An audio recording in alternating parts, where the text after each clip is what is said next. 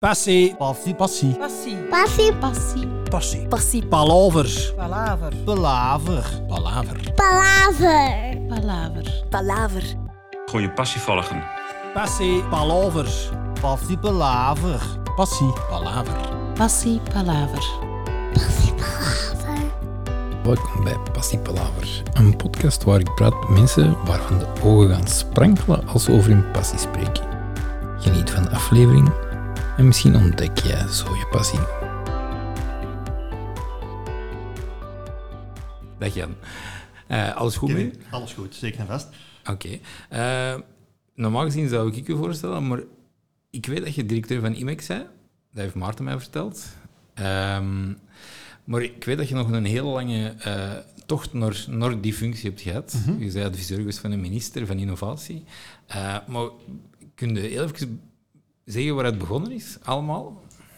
Tuurlijk. Ehm, ik, ben, eh, ik ben dus Jan ik ben directeur publieke technologie bij IMEC. En hoe dat ik hier geraakt ben.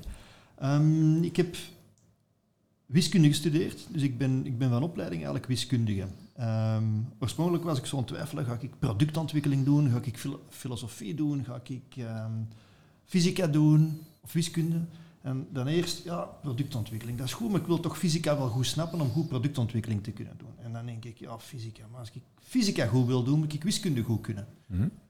Dus dan ben ik wiskunde gaan doen. Dan heb ik wiskunde gestudeerd. eh, daar wat in blijven, in blijven hangen. En niet negatief bedoeld. Hè. Dat is zo boeiend, dat is zo interessant. Dus in die wiskunde een hele tijd blijven, blijven studeren. Nadien ook een doctoraat gemaakt.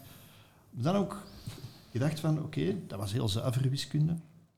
Eh, echt al, eh, niet commentatieve, algebraïsche meetkunde. Dacht, er, is- er is meer. Ik dacht, ik wil wat meer met mijn voeten in de praktijk staan. Dus ik dacht, ik studeer nog filosofie bij. Wow. Zo praktisch was dat natuurlijk ook niet, maar dat was wel heel boeiend en dat heeft mij ook op een heel andere manier naar de wereld doen kijken. Ehm, vervolgens, eh, ja, mijn diploma wiskunde, diploma filosofie op zak. Eh, wat doe je dan? Eh, na een tijdje, ik heb even op de Universiteit Antwerpen wat gewerkt, eh doctoraatstudenten wat begeleid, maar vervolgens toch ook in het wetenschaps- en technologiebeleid terechtgekomen. Dat, is toch een, een, eh, een, een, een interesse of een passie, zoals we in deze podcast Ja. moeten zeggen. Hè. Ehm, de, de impact van wetenschap en technologie echt op de maatschappij. Wat, wat is dat? En, en hoe, hoe gaan we daarmee om? Als toch ja, innovatieve regio die we willen zijn. Goed. Eh, een tijd lang innovatiebeleid gedaan, vooral op, eh, op, op Vlaamse overheidsniveau. Maar dan toch ook voelen kriebelen van niet alleen wetenschap en technologie beleid willen doen, maar dat ook echt willen ja, uitvoeren, vormgeven. Van wa- wat is dat? Eh, en dan bij het onderzoekscentrum iMinds terechtgekomen. In- Toen in Gent, maar dat samenwerkt met alle Vlaamse universiteiten ook. Een paar jaar later is iMinds dan ehm, gefuseerd met, eh, met IMEC. En zo ben ik daar terechtgekomen. Een van de eerste projecten die ik in het fusie-IMEC heb mogen oppikken was, eh, was City of Things. Oké. Het eh, City of Things, ja, het, het Smart City-programma van IMEC.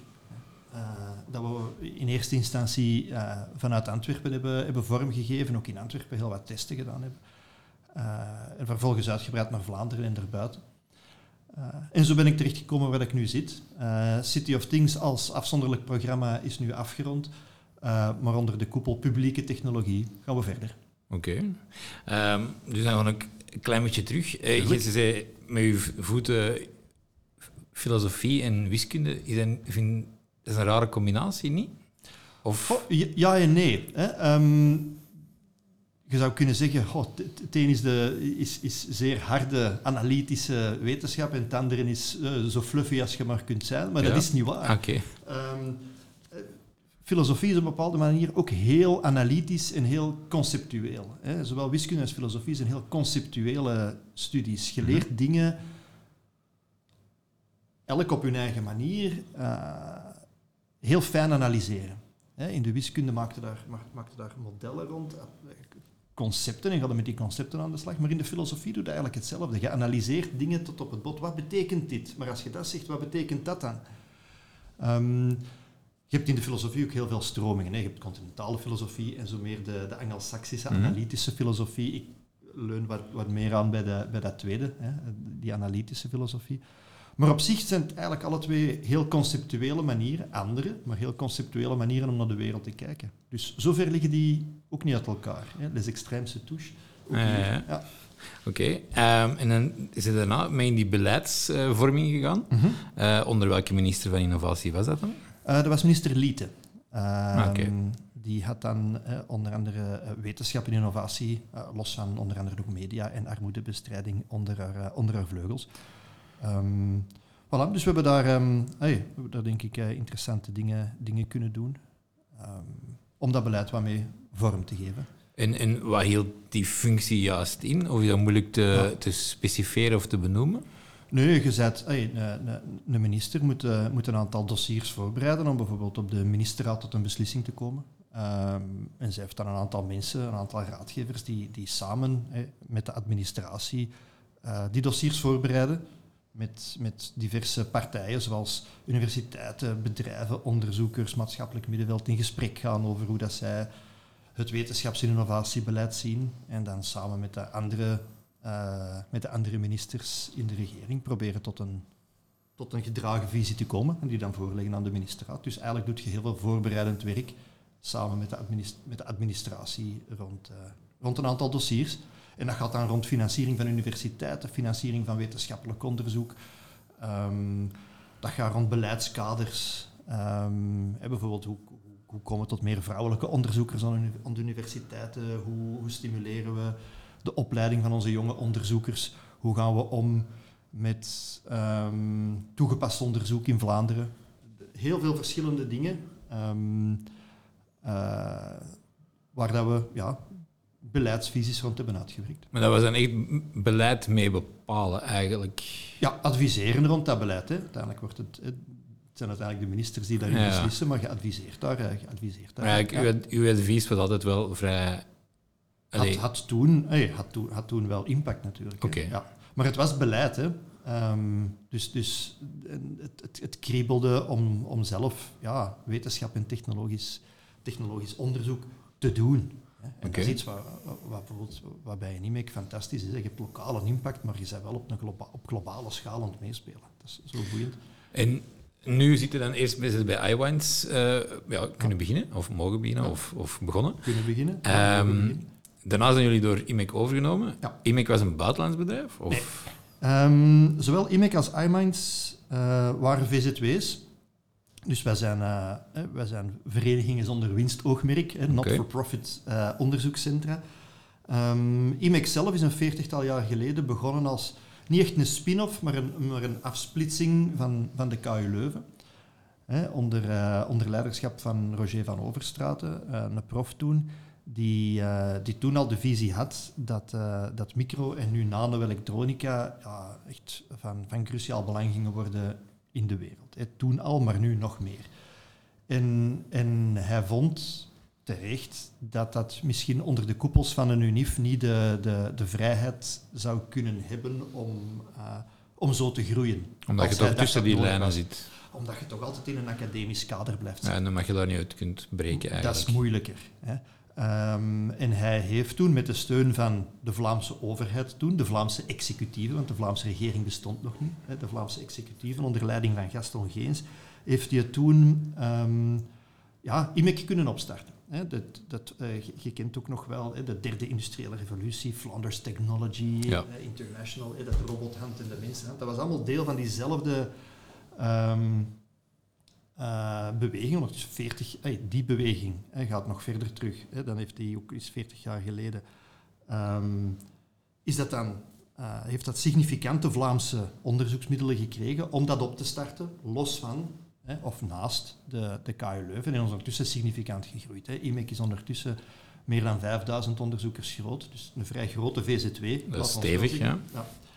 Ehm, met onderzoek naar, hè, ondertussen nano-elektronica en na de, na de fusie met, eh met iMinds ook digitale technologie. Dus hè, je zou kunnen zeggen, hardware en software komen samen. Eh, met iMinds is ook het, het, het interuniversitaire netwerk samengekomen, waarbij dat de onderzoekers aan, de, aan alle Vlaamse universiteiten die met technologie bezig zijn ook sneller betrokken kunnen worden bij hoe dat hardwareonderzoek, waar dat je de cleanrooms van Leuven natuurlijk eh, van cruciaal belang zijn. Eh, Ehm, dus die combinatie van hardware, software Ehm, de goede link met de, met de onderzoekscentra aan onze universiteiten geeft dat we toch een, een ook op wereldschaal zelfs, een vrij unieke positie hebben om ons onderzoek te doen. Dus, eh, maar het zijn twee Vlaamse, hè, zowel IMEC als iMinds waren twee Vlaamse VZW's. Nu ene een hele sterke Vlaamse VZW, maar die, die op wereldschaal speelt. Hè. We, hebben, we hebben afdelingen in Nederland, eh, in de States eh, enzovoort. Dus wij zijn ook, eh, we, hebben, we hebben kantoren ook in Zuidoost-Azië. Eh, En die worden geleid door België ook? Of is dat Nee, dat niet per se... Onder, jawel, jawel, dat, dat, dat zijn... dat zijn die worden aangestuurd vanuit, vanuit Leuven hier. Hè. Ja, dus dat is, Dus Leuven is wel de hoofdzetel. Leuven is een hoofdzetel, zeker. Dus normaal gezien zit u ook in Leuven of zit u altijd hier? Ik, ik, zit, ik zit vaak in Antwerpen, vaak in Leuven, soms in Gent. ehm, ja, waar, wij, waar wij afdelingen hebben. Hè. Ja. En de, de, u sprak juist over de City eh, of eh, Things. Things, City of ja. Eh, kunnen we daar iets meer uitleg over geven? Natuurlijk. Op het moment van de fusie van IMEC en iMinds, ehm, eh, waarbij het oude IMEC heel hardware gefocust was en het, het oude iMinds heel software gefocust.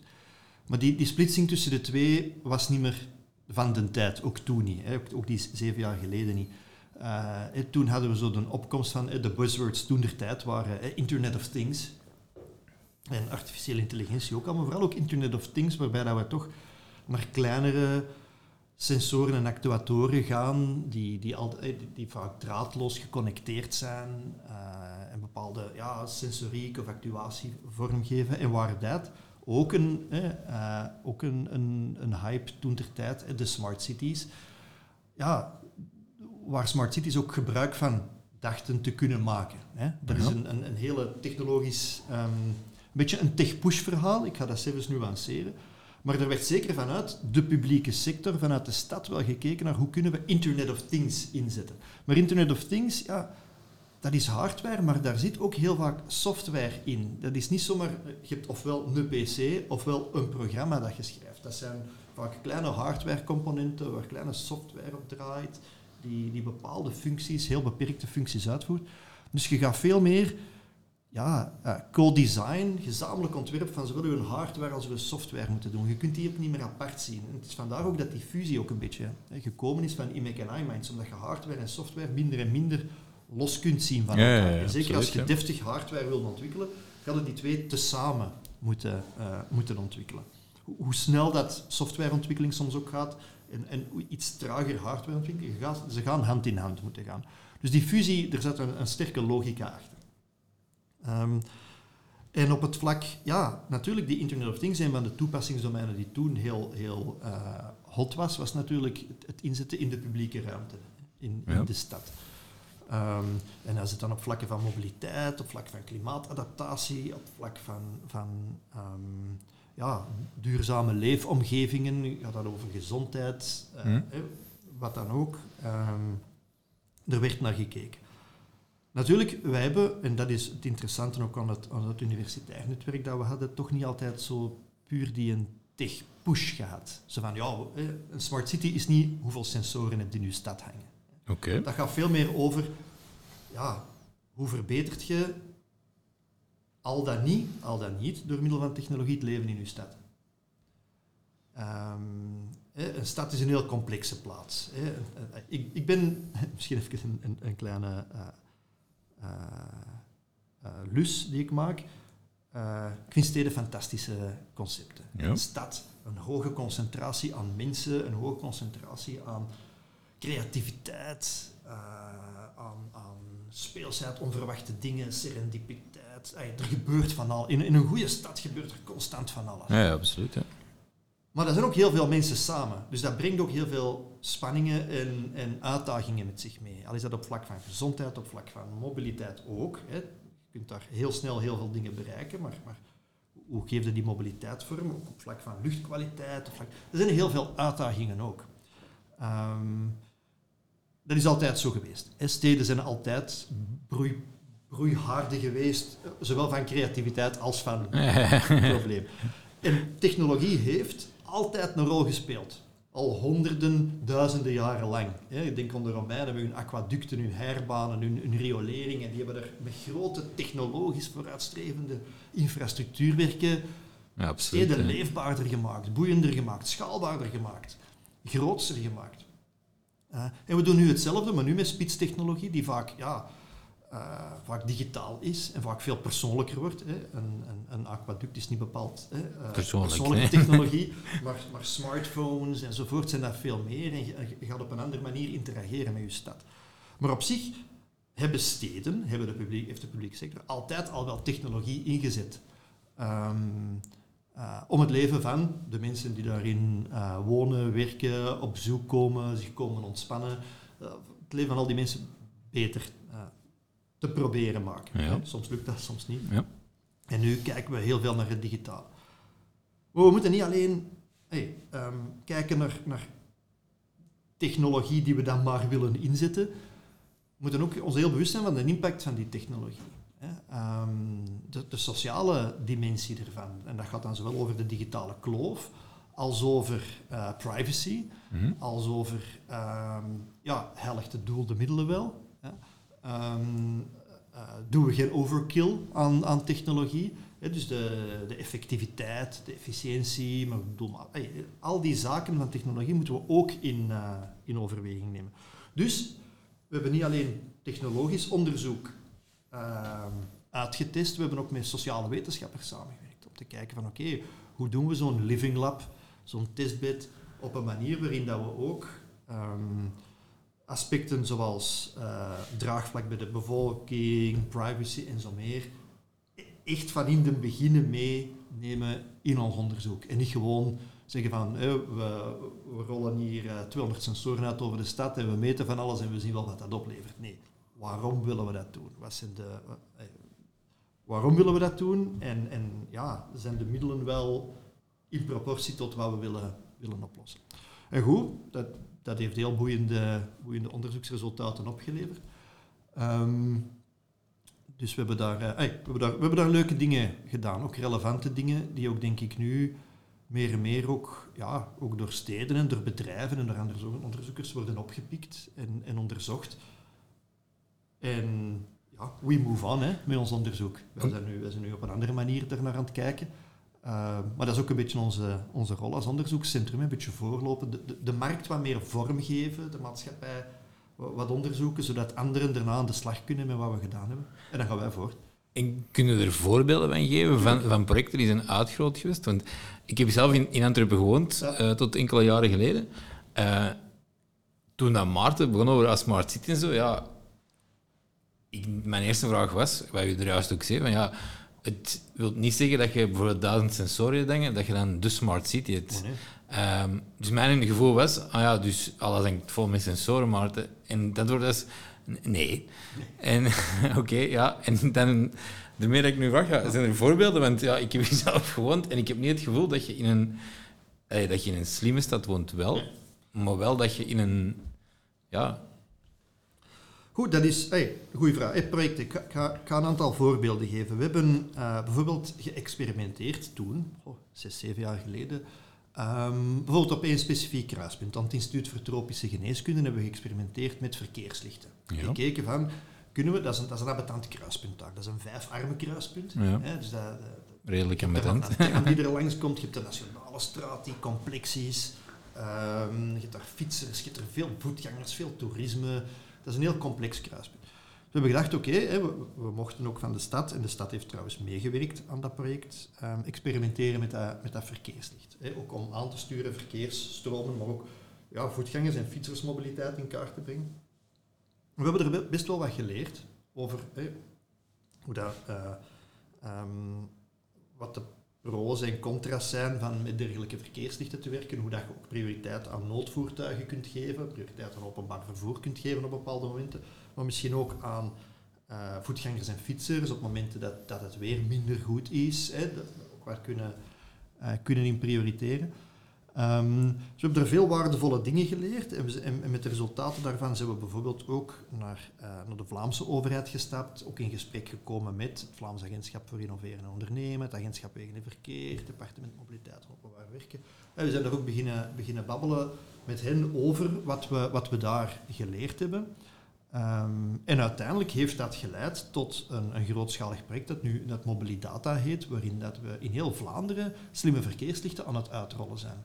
Op eh, slimme verkeerslichten, wat betekent dat? Ja, dat zijn verkeerslichten die ook geconnecteerd zijn met de cloud, waarin dat je, hè, dus die niet gewoon op zichzelf reageren en een knopje Ja. hebben dat dan Ja, al niet werkt, Ja. hè, eh, waar dat je het nooit helemaal zeker van weet of dat wel werkt. Ehm, maar dat zijn, dat zijn verkeerslichten die volgen een bepaald regelschema. Je kunt dat regelschema online vinden. Dat is een pdf waarin dat in mensentaal uitgelegd staat welke voertuigen of welke mobiliteitsgebruikers, fietsers en voetgangers ook, op welk moment welke voorrang krijgen. Dus noodvoertuigen, absolute prioriteit. Uw verkeerslichten voor de tegenovergestelde richting gaan tijdig op rood. Er zou wel nooit meer een ambulance door een rood licht moeten rijden, omdat dat licht al op groen zou moeten staan voor die aankomt. Hè. Ja. Uh, maar voetgangers en fietsers die prioriteit krijgen als het regent. Een tram die vertraging heeft, die ook prioriteit krijgt, tenzij dat er een noodvoertuig uit de andere richting komt. Dus dat is helemaal beschreven. En dat is beschreven in mensentaal, dat is een beleidstekst, maar die is dan ook vertaald in... Die is geprogrammeerd, zodat je je verkeerslichten ook vanuit hè, de cloud, vanuit hè, um, een, een, ja, een, een soort verkeerscentrum... Uh, kunt aansturen om daarmee rekening te houden. Maar dat is dan dus, een virtueel verkeerscentrum? Ja, ja, maar dat wordt wel gemanaged volgens die principes. En dat is ook het agentschap Wegen en Verkeer. Dat, dat zit achter het, het beheer daarvan. Ah, okay. um, en de verkeerslichten die dat aankunnen, worden nu langzaamaan uitgerold. Dus meer en meer, de, de aanbestedingen lopen, die verkeerslichten worden geïnstalleerd. Hè. Um, dus dat is bijvoorbeeld één voorbeeld van testen die we op kleine schaal gedaan hebben, die nu tot een Vlaams brede uitrol aan het leiden zijn. We zitten nog maar in het begin hè, van, van die uitrol, maar die uitrol is bezig. Maar die uh, coördineren jullie ook? Wij zijn daar we, hebben, we, hebben dat, we coördineren dat project wel, um, maar langzaamaan moet dat ja, overgedragen worden van ons, van ons onderzoek, hè, de systeemarchitectuur mee uitwerken, de stakeholders van private en publieke actoren samenbrengen, hebben we gedaan. Maar langzaamaan moet dat gewoon reguliere werking van het agentschap Wegen en Verkeer worden en moet dat gewoon hun business as usual worden. Ja, ja, en moet dat voor hen geen innovatieproject meer worden op termijn, maar gewoon de state of the art, gewoon hoe zij op dat moment zullen werken. Dus dat is ook een transitie voor die overheid, omdat ze gaan van ja, de klassiekere verkeerslichten de klassieke verkeersregelinstallaties, zoals ze dat dan noemen, naar intelligente verkeersregelinstallaties. Dus er- business moet, moet veranderen ook. En dat is een hele transitie. Mag ik er een vraag over stellen? Eh, is dat bijvoorbeeld, als je nou zo in die Hollywood-films ziet, we gaan eh, alle verkeerslichten op die lijn op rood zetten. Dat bestond bijvoorbeeld in de films, tussen aanhalingstekens, in Amerika wel. Hm? In België was daar, er was geen digitale sturing mogelijk. Tot Eh, dan? n- Niet, niet op afstand. Nee. Dus dat was op het Nee. kastje dat naast Het kastje daarnaast, eh, ja. Oké. Ja.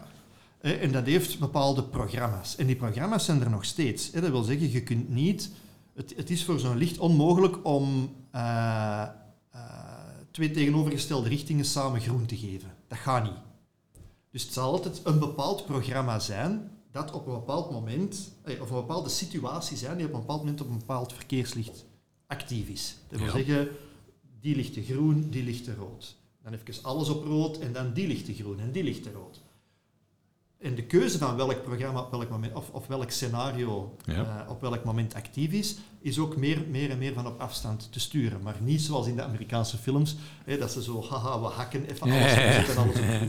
Dat gaat Nee, nee. Maar je kunt wel daar eh, meer en meer ook van op afstand. Het is digitaler. ja, ja, zeker en vast. Ja. En dan is ook de vraag hoeveel... Hè, dat zijn ook discussies die we gevoerd hebben van hoeveel rekenkracht wilt je nog lokaal op die grijze bak aan je verkeerslicht en hoeveel stopte? Of gaat alles van op afstand sturen? Of stopt nog een stukje rekenkracht lokaal, een stukje rekenkracht centraal? Hè? Ook, of, of, in, of in onze termen, hoeveel stopte in de cloud en hoeveel stopte in de edge? Dat soort eh, gesprekken, dat zijn architectuurdiscussies hè, rond de architectuur van het ja, ja. die hebben we ook allemaal gevoerd met experts. Ehm, en nu wordt dat dan uitgerold. Dus dat is één specifiek voorbeeld hoe een kleine test op één specifiek kruispunt toch leidt tot, ehm, eh, ja, tot grootschalige, effectieve uitrol die nu bezig is. En ja, dat duurt even. Hè. Van, de, van dat allereerste project tot nu, er zit bijna zes jaar tussen. Hè. Maar ja, je wilt ook zoiets niet op de Wilde Boef. eh, We hebben drie maanden getest, we gaan het uitrollen. Ja. Eh, Klaar? We Nee. hebben ons laten inspireren door Nederland, door Scandinavië, door Spanje. We hebben ook gekeken van wat werkt er daar wel. We zijn ook met die mensen gaan spreken, wat werkt er daar niet. Als jullie opnieuw zouden beginnen, hoe zouden we het aanpakken? Eh, met welke bedrijven werkt er samen? Wat is uw overige... Hey, we hebben dat, dat is heel grondig gebeurd. Ja, dat- Ehm, dus, en, maar dat maakt het ook zo boeiend. Wat ook heel boeiend is aan dat verhaal, is dat we niet begonnen zijn vanuit de technologie. We zijn begonnen vanuit drie criteria, die we uiteraard met de overheid hebben afgesproken. Ten eerste, hoe kunnen we ervoor zorgen dat zo'n Connected Intelligent Transport System, CITS, zo'n systeem, aan een, aan, aan een drietal voorwaarden kan voldoen. Ten eerste, het verkeer, mobiliteit moet veiliger, groener en vlotter. ja. Oké, veilige groening en vlot. Nou, iedereen akkoord. Goed. Oké, we hebben een aantal use cases nodig. Hè. Zoals ik gezegd heb, dat, dat kan gaan rond parkeeroplossingen, rond, rond, rond verkeerslichten aansturen, rond file-waarschuwingen die je in, bepaalde systemen ook al kent, wegenwerken signaleren. Hey, dan is er heel snel een, een longlist van meer dan 300 mogelijke use cases gekomen. Iedereen had wel ideeën. Goed, we hebben die allemaal verzameld. En dan hebben we die gefilterd op basis van die drie criteria. Dragen die bij aan groenere mobiliteit, aan veiligere mobiliteit, aan vlottere mobiliteit?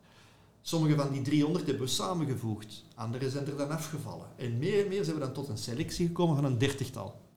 En een dertigtal use cases en we hebben gezegd, oké, die dertig, die gaan we doen. En die hebben we ook beslist, samen met de overheid.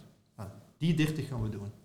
En dus, we gaan ervoor zorgen dat wat we nu ook uitrollen, die 30 use cases met een maatschappelijke finaliteit, een bepaalde mobiliteitsfinaliteit, dat die wel minstens die 30 alvast gerealiseerd worden. Maar natuurlijk, heel die systeemarchitectuur moet andere use cases aan kunnen. Ja, ja, in de absoluut. toekomst. Ja. Maar die 30 doen we eerst. Dus het is niet zomaar, we rollen een systeem uit en we zien wel wat er kan. We hebben de volgorde omgedraaid. We hebben gezegd, die 30 use cases, die moeten alvast zeker kunnen. En daarna zien we wel wat er nog bij komt. En dat zal dan afhangen van budgetten uiteraard en van, en van mogelijkheden en, en bedrijven die ook met bepaalde innovaties komen die er dan op kunnen, kunnen werken. Maar het, het leuke daaraan vond ik dat we die maatschappelijke finaliteit, die 30 use cases, eerst geplaatst hebben. En dan gezien hebben van oké, en nu gaan we uitrollen kleine testen, grote testen, effectieve aanbestedingen. Oké. Eh, dat is dan eigenlijk een vrij groot project dat iedereen Gewoon, merkt. Ja. dat iedereen eh, merkt of gaat merken. Ehm, zijn er nog kleinere projecten waar je dan zegt van ja, die, die hebben we eigenlijk al enkele jaren uitgewerkt en die bestaan gewoon, maar niemand is daar mee bezig. Allee, ja, niemand... Nee. Er is een ander raar. tof project ook. Oké. Eh, er zijn veel toffe projecten, hè? maar een ander voorbeeld ehm, is eentje dat we dat toen ook hè, eh, naar boven is gekomen eh, in gesprek met een brandweer van Antwerpen.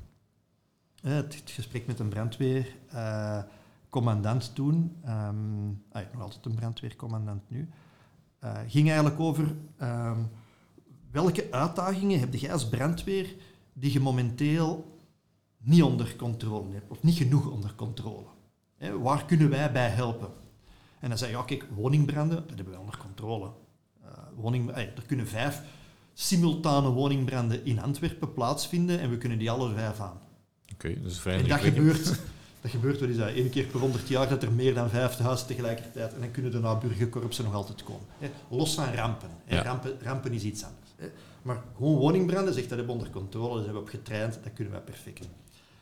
Maar hij zegt iets dat we eigenlijk niet genoeg onder controle hebben, zei hij toen, hè, zes, zeven jaar geleden, is, eh, zijn overstromingen. En vooral overstromingen door regenval. Want Ja. ineens is het overal probleem. Hè. Straten stromen over, kelders staan vol, ineens een telefoon van een ziekenhuis waar cruciale infrastructuur dreigt onder water te komen. Dus ja, dat, sorry, dan moeten ineens al uw wagens naar dat ziekenhuis. Hè. Ehm, maar hij zegt, dat we zijn daar nog veel te reactief in. We zijn nog niet proactief genoeg. We kunnen, en ook de, de waarschuwingen van het KMI, ja, dat, dat, Komen te laat soms. eh, of op, die zijn op provincieniveau. Dat is niet op... Hey, dat moet lokaler kunnen. Hè, want zo- zo'n heftige regenbui, soms heeft die geen overstromingsimpact en soms heeft een lichtere regenbui wel overstromingsimpact. Want dat hangt met van alles samen. Hoe vol zitten uw riolen? Hoe verzadigd is uw ondergrond al?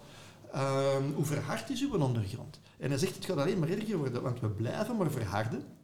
Want de klimaatverandering zal er ook voor zorgen dat er meer en onvoorspelbare regenbuien zullen komen, die ook intenser gaan zijn. Ja, ja, ja. Dus de verharding en de klimaatverandering samen, zegt hem, gaan ervoor zorgen dat we meer pluviale overstromingen, dus meer overstromingen door regenval, gaan krijgen. En we zijn er niet genoeg op voorbereid. We zijn niet proactief genoeg. Uh, goed, laten we dat oppakken. We hebben, we hebben samenwerking aangegaan met onder andere hè, de brandweer, maar ook met Vito, met, uh, met de rioolmaatschappij, Waterlink. Uh, hebben we gezegd, oké, laten we dat eens oppikken, laten we eens kijken um, hoe, ay, wat we eraan kunnen doen.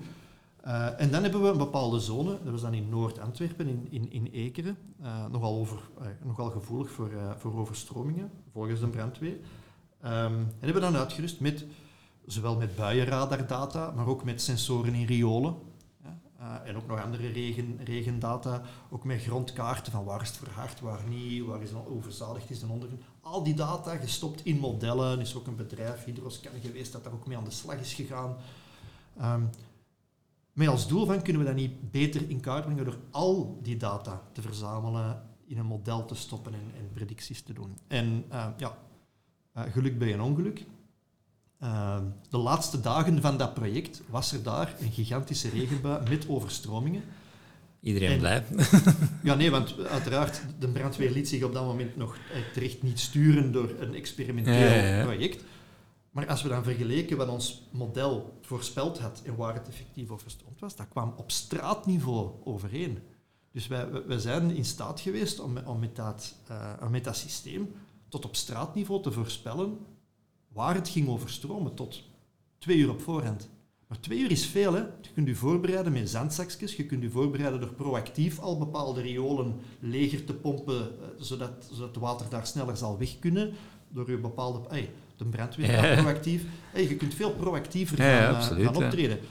Hetzelfde zou voor u kunnen gelden dat jij een, een, een berichtje krijgt. Uh, zegt van ja, uh, kijk Kevin, uh, de kans is 70% dat uw straat binnen dit en twee uur overstroomt. Ik zou naar huis rijden. Ah, ja, zou natuurlijk zijn. alles in de kelder halen. Ja, absoluut. Hey, dus ook naar de hoeveelheid schade toe zouden daarin. dat zou allemaal kunnen helpen. Nu, dat werkt dus. Okay. Een van de redenen dat dat voorlopig nog niet massaal wordt uitgerold is, ja, we hebben toen wat we noemen overdimensioneerd. Zoveel sensoren kun je niet over heel uw land plaatsen ten alle tijde. Dus, dus er, er valt nog een, uh, we moeten echt nog naar een model op zoek waarin dat je met minder sensoren, mm-hmm. uh, dus ook met minder data, dezelfde accuraatheid of een gelijkaardige accuraatheid kunt krijgen. Uh, het is nog te duur om dat uit te rollen. Je kunt niet overal sensoren gaan plaatsen. Maar dat was eigenlijk gewoon die, die buurt genomen en ja, overgedimensioneerd. Bijvoorbeeld in alle pijpen een sensor geplaatst. Grotendeels. Dan, dan ja. gezegd tegen Hydroscan, dit zijn de simulaties die we willen. Die hebben, daar dan, hè, die hebben daar dan hun modellen, want die zijn er goed in, hè, hun modellen ook op, uh, op losgelaten. En dat heeft dan gewerkt. Um, dus dat is technologie die hè, ondertussen bewezen heeft dat ze werkt. Uh, de vraag is nu vooral, en dat is meer een businessmodelvraag denk ik dan een technologische vraag, hoe schaalde dat op? Want we gaan dat nodig hebben, zo'n soort voorspellende um, modellen. Hè? Zowel burgers als beleid, hulpdiensten. Uh, ja, we gaan, absoluut, dat, we gaan ja. dat nodig hebben. Hè? Um, uh, we gaan niet alleen op klimaatmitigatie moeten werken, hè? dus, dus broeistofgassen, broeikasgassen reduceren of zelfs naar negatieve, negatieve uitstoot gaan. Maar we gaan vooral ook de komende 100, 200, 300 jaar klimaatadaptief moeten zijn. Ja, we gaan ons moeten aanpassen. Ja, absoluut. Ja. It will get worse before it get, be get better. En dat is niet op tientallen jaren. Hè. Dat gaat een paar eeuwen zijn voordat we... Dus ja, hoe gaan we ons voorbereiden erop?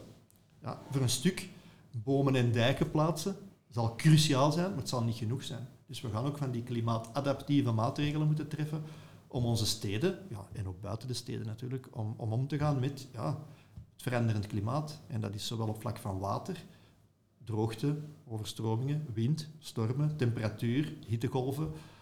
We gaan op al die vlakken ook, niet alleen, maar ook naar technologie moeten kijken. En uiteraard ook naar bomen. En uiteraard ook naar, naar ontharding. En uit, hey, ja, tuurlijk, onmiddellijk, we zouden dat nog meer moeten doen. Ja, ja. Maar ook naar technologie.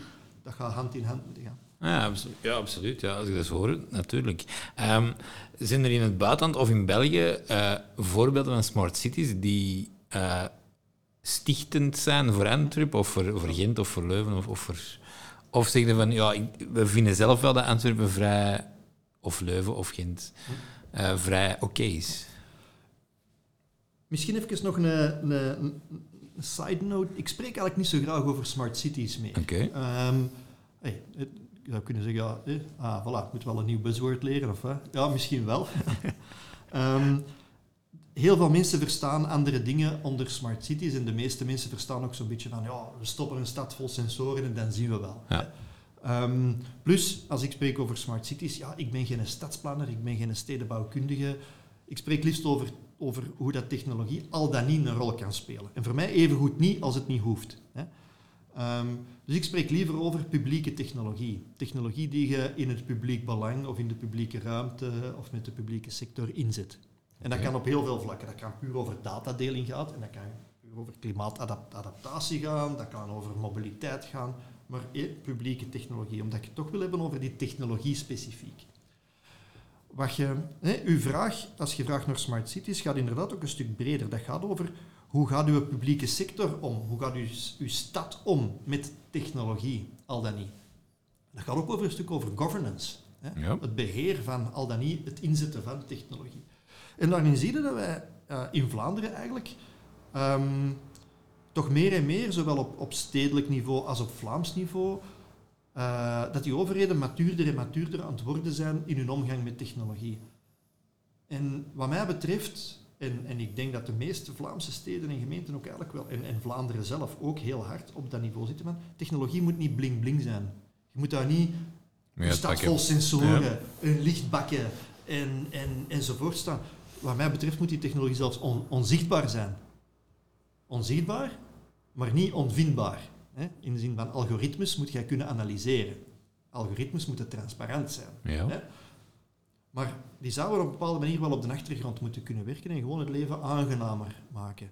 Vlottere mobiliteit, ehm, gezondere, frissere lucht, minder klimaatoverlast. Dat zijn dingen die je zou moeten... Minder verkeersongevallen of, of minder, eh, eh, meer verkeersveiligheid. Dat, zou, dat zouden dingen moeten zijn die je merkt. En de rol van technologie, klein of groot, daarachter, dat, dat zou bijna onzichtbaar moeten zijn. Een stad moet gewoon leefbaar zijn. Die technologie moet er niet, moet er niet vingerdik op liggen. Dat moet gewoon zijn job doen. Ja. En dat is ook wel een visie. En dat gaat dan heel veel over bepaalde diensten, over bepaalde effecten die het heeft, eerder dan die technologie heel zichtbaar in uw stad, in uw stad duwen. Ehm, en meer en meer is dus ons beleid ook bezig met te kijken ehm, hoe, wat is de rol van technologie wel en wat is de rol van technologie niet. Eh, welke data moeten we delen? Onder welke voorwaarden? Ehm, soms heel privacygevoelig doen we dat niet. Op andere momenten in gezondheidszorg ja, is, is gezondheidsdata heel vertrouwelijk. Maar misschien bepaalde lessen die we eruit leren zijn misschien wel belangrijk. Hetzelfde rond mobiliteit. Welke diensten wilden wel en niet? Strooisteps hier in de stad bijvoorbeeld. Ehm, de stad Antwerpen vraagt heel veel data op van de, van de, eh, van de, van de providers van die deelmobiliteit. Zodat Ja. ze zelf een beleid kan voeren over al die providers heen. Ah, wel, dat is interessant. Dat gaat over datadeling en, en het monitoren van het gebruik ervan. Dus meer en meer worden onze, onze steden in Vlaanderen en ook de Vlaamse overheid zelf veel ma- matuurder in de omgang met, met technologie. En beginnen ze te snappen wat die technologie wel en niet kan en beginnen ze er ook in te zetten om, om ja, de leefbaarheid van hun stad te vergroten. En ja, uiteraard zijn er heel veel voorbeelden in het buitenland waar, dat je, waar dat je dingen van kunt leren. Ehm, de, de uitdaging voor ons in, in West-Europa gaat zijn om ehm, niet, zoals in de Verenigde Staten, bedrijven alle vrijheid te geven die je maar wilt, of in China de overheid maar alles te laten doen. En, en, dus wij gaan een soort Europees model moeten ontwikkelen, Ja. waarin, dat we, waarin dat we eh, genoeg ondernemerschap kunnen, kunnen, kunnen stimuleren, ook technologisch ondernemerschap, maar toch een soort vanuit de overheid een zekere doelmatigheid zeggen van ja, maar het moet wel, eh, het, moet wel het algemeen belang eh, ten goede komen. Ja, ook, ja. en niet, hè. Eh, zeker als we het hebben over zo'n publieke technologie. Ehm, nog los van wat jij zelf wilt kopen van technologie. Dit gaat over die publieke technologie. Ehm, moeten we, zijn we op zoek naar zo'n Europees model en er gebeuren heel interessante dingen rond, rond eh, persoonlijke datakluizen, hè, eh, op, op vlak van data, maar ook de inzet van technologie in de publieke ruimte, de discussie rond camera's en rond andere sensoren. Binnen Europa is daar, en binnen Vlaanderen en binnen onze steden, vind ik dat daar wel een, een vrij volwassen debat rondgevoerd wordt. Kan dat beter? Ja, altijd. Is het slecht? Absoluut niet. Ik denk dat we, denk dat we matuurder en matuurder aan het worden zijn. Eh, misschien een raar, rare vraag dan. Ligt, dat, ligt die maturiteit om ermee om te gaan, of de, de, het gevoel dat de politiek ermee heeft, ligt dat samen met de leeftijd van de politiekers? Van de politiekers? Nee, niet per se. Want het is niet per se alleen de politiek, het is ook uw, uw administratie. Het, het zijn ook bedrijven die ermee bezig zijn. Het, is, het, het zijn hey, de burgerbewegingen, middenveld die ermee bezig zijn. Mhm. Dus, dus ehm, eh, een, een hele citizen science beweging rond, rond wat, wat kunnen burgers met technologie doen en de data die ze daar uithalen, delen met beleid en onderzoekers om inzichten te krijgen rond luchtkwaliteit, geluidsoverlast, klimaat. Ook dat zijn. Dus, dus de, de, de partijen die technologie in het algemeen belang gebruiken, is niet alleen de politiek, is niet alleen de overheid, maar zijn ook burgers, onderzoekers, bedrijven. Ehm, dus het is een heel, een heel interessant samenspel, bijna een ecosysteem van verschillende partijen die meer met elkaar vinden om te kijken wat de rol van technologie is om ja, ehm, de publieke ruimte een, een betere plek te maken. Ja, absoluut. Ehm, is er een... Ik heb, ik een artikel gelezen dat u zegt, denk ik, dat er een, ook een ideale vorm van een... Ja, ik mag het woord eigenlijk niet meer gebruiken. Van een, een smart city bestaat. Ik denk dat u had gezegd dat dat een 8 moest zijn. Kan dat? Of vergis ik me nu totaal? Ja, dat, Oké. klinkt, dat klinkt mij niet bekend. Oké. Eh, is er, als je, als je uit het niets zou mogen starten met een stad, is er een, een, ultiem, eh, een ultiem doel van, van, van het kei leefbaar te maken en een goede mix van technologie? Ja. En, Ze zijn het aan het proberen nu, hè. Eh, in het Midden-Oosten, de line, zijn ze een, een, een, een lijn van, goh, ik, ik weet niet hoe lang, een, een, een, stad in de vorm van een streep aan het bouwen. Dat is nu een woestijn. En ze willen daar een stad in de vorm van een één lange lijn, ehm, waarin dat alles op, op korte afstand bereikbaar moet, moet kunnen zijn. Ehm, waarin een aantal enorm briljante onderzoekers en, en bedrijven aan het meewerken zijn. Ehm, ik kijk met veel interesse wat er gaat gebeuren.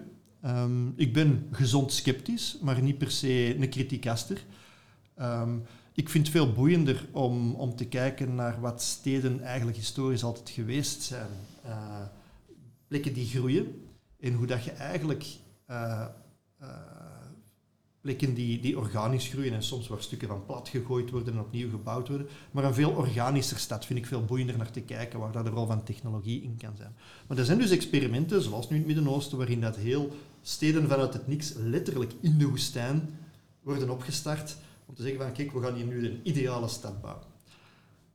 Heel veel mensen die eraan meewerken zijn, zijn, zijn, zijn echt briljant en toppers. Er, er, wordt, er wordt niet op een euro gekeken. nee, nee, dat, dat zal niet zijn. Ehm, ehm, maar wat mij betreft zijn de ingrediënten perfect. De vraag is of de mayonaise gaat pakken. Hè? Als je ze, als je ja, ja, ja.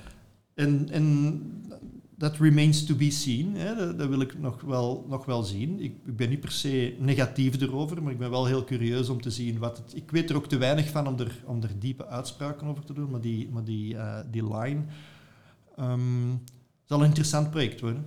Om te zien of een stad uit het niets ook echt de, de dynamiek van wat wij een stad noemen en vinden kan, eh, kan benaderen. Of dat dat een, een nieuw soort stad wordt, dat we nog nooit gehad hebben.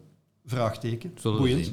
Ehm, misschien een vraag die je de laatste, de laatste tijd misschien wat meer krijgt, is dat ehm, AI gaat dat veel meer toedragen bij jullie? Of Tuurlijk. breekt dat mee bij jullie? Ja, dat, ehm, eh, dat, dat- het, is duidelijk dat eh, machine learning, artificiële intelligentie, hoe dat je het, hoe dat je het gaat noemen, dat gaat een gigantische impact hebben. En, en zowel op, op toestelniveau, op device-niveau, op sensorniveau, je gaat betere sensordata kunnen krijgen, want de AI gaat data kunnen opkuisen, tot wat we nu met alle chat-GPT's en zo van deze wereld zien, dat je, dat je, dat je bijna in, in, in dialoog kunt gaan, of lijkt te kunnen gaan met, Ja, ja. met systemen. Dus dat gaat, dat gaat de, de city-citizen interface, de, de, de interface tussen uw stad en uw burger, tussen uw publieke ruimte en uw burger, ook kunnen veranderen. Dus zowel op vlak van de conversatie als op vlak van wat technologie gaat kunnen doen, gaat dat, eh, ja, gaat dat disruptief zijn? De vraag is in welke richting. Hè? En, en, eh, eh, daar zijn heel veel verschillende pistes die ook bekeken worden en, en die, ook, eh, die we ook moeten, zowel wij als onderzoekscentrum, als de overheid, als bedrijven, met elkaar in dialoog gaan moeten aanpakken. Want daar, ehm, de impact ervan gaat gigantisch zijn. De vraag is alleen op welke manier. Oké. Eh, mijn laatste vraag is dan eigenlijk altijd: eh, wie vindt u heel gepassioneerd en moet eh, zeker eens gehoord worden? Ehm Fatinia Ramos. Oké. Fatinia Ramos is een, een Portugees-Belgische illustratrice. ehm, die eigenlijk ja, die, die heel mooie, bijna fantastische illustraties maakt. Ehm, en die meer en meer ook, ook eh, haar, haar eigen, ja, haar eigen kunst aan het ontwikkelen is vanuit die, vanuit die illustraties. Ehm, het is iemand die ook een, eh, een heel cool track record heeft. Die, die, ze publiceert ook haar illustraties in grote Amerikaanse tijdschriften. Uh, maar ze heeft ook bijvoorbeeld het stadhuis van Antwerpen helemaal geïllustreerd toen dat in de steiger stond. Ah, Dat ja, dat ja, met, ja, haar, ja. met haar kunst ook ehm, helemaal geïllustreerd en ook een stuk geschiedenis van Antwerpen daar. eh, Oh, op mooi. al die basje rond, rond het stadhuis ehm, geïllustreerd. Dus als ik iemand eh, zou mogen aanbevelen die ook, die ook gepassioneerd is over wat de, de, eh, hoe zij van, van, van, door haar jeugd heen dat beeldende en haar rechtvaardigheidsgevoel en haar empathie in haar eerste illustraties en vervolgens ook haar kunstwerken integreert, dan zeg ik, ga vooral met Fatinha spreken. Oké, kijk hoe. Bedankt voor uw tijd. Graag gedaan, vond leuk. Oké, graag gedaan. Joep. Bedankt voor het luisteren naar de podcast. Als je het leuk vond, volg ons op Instagram, at. En heb je suggesties, mail deze dan naar passiepalaver.gmail.com. Tot de volgende.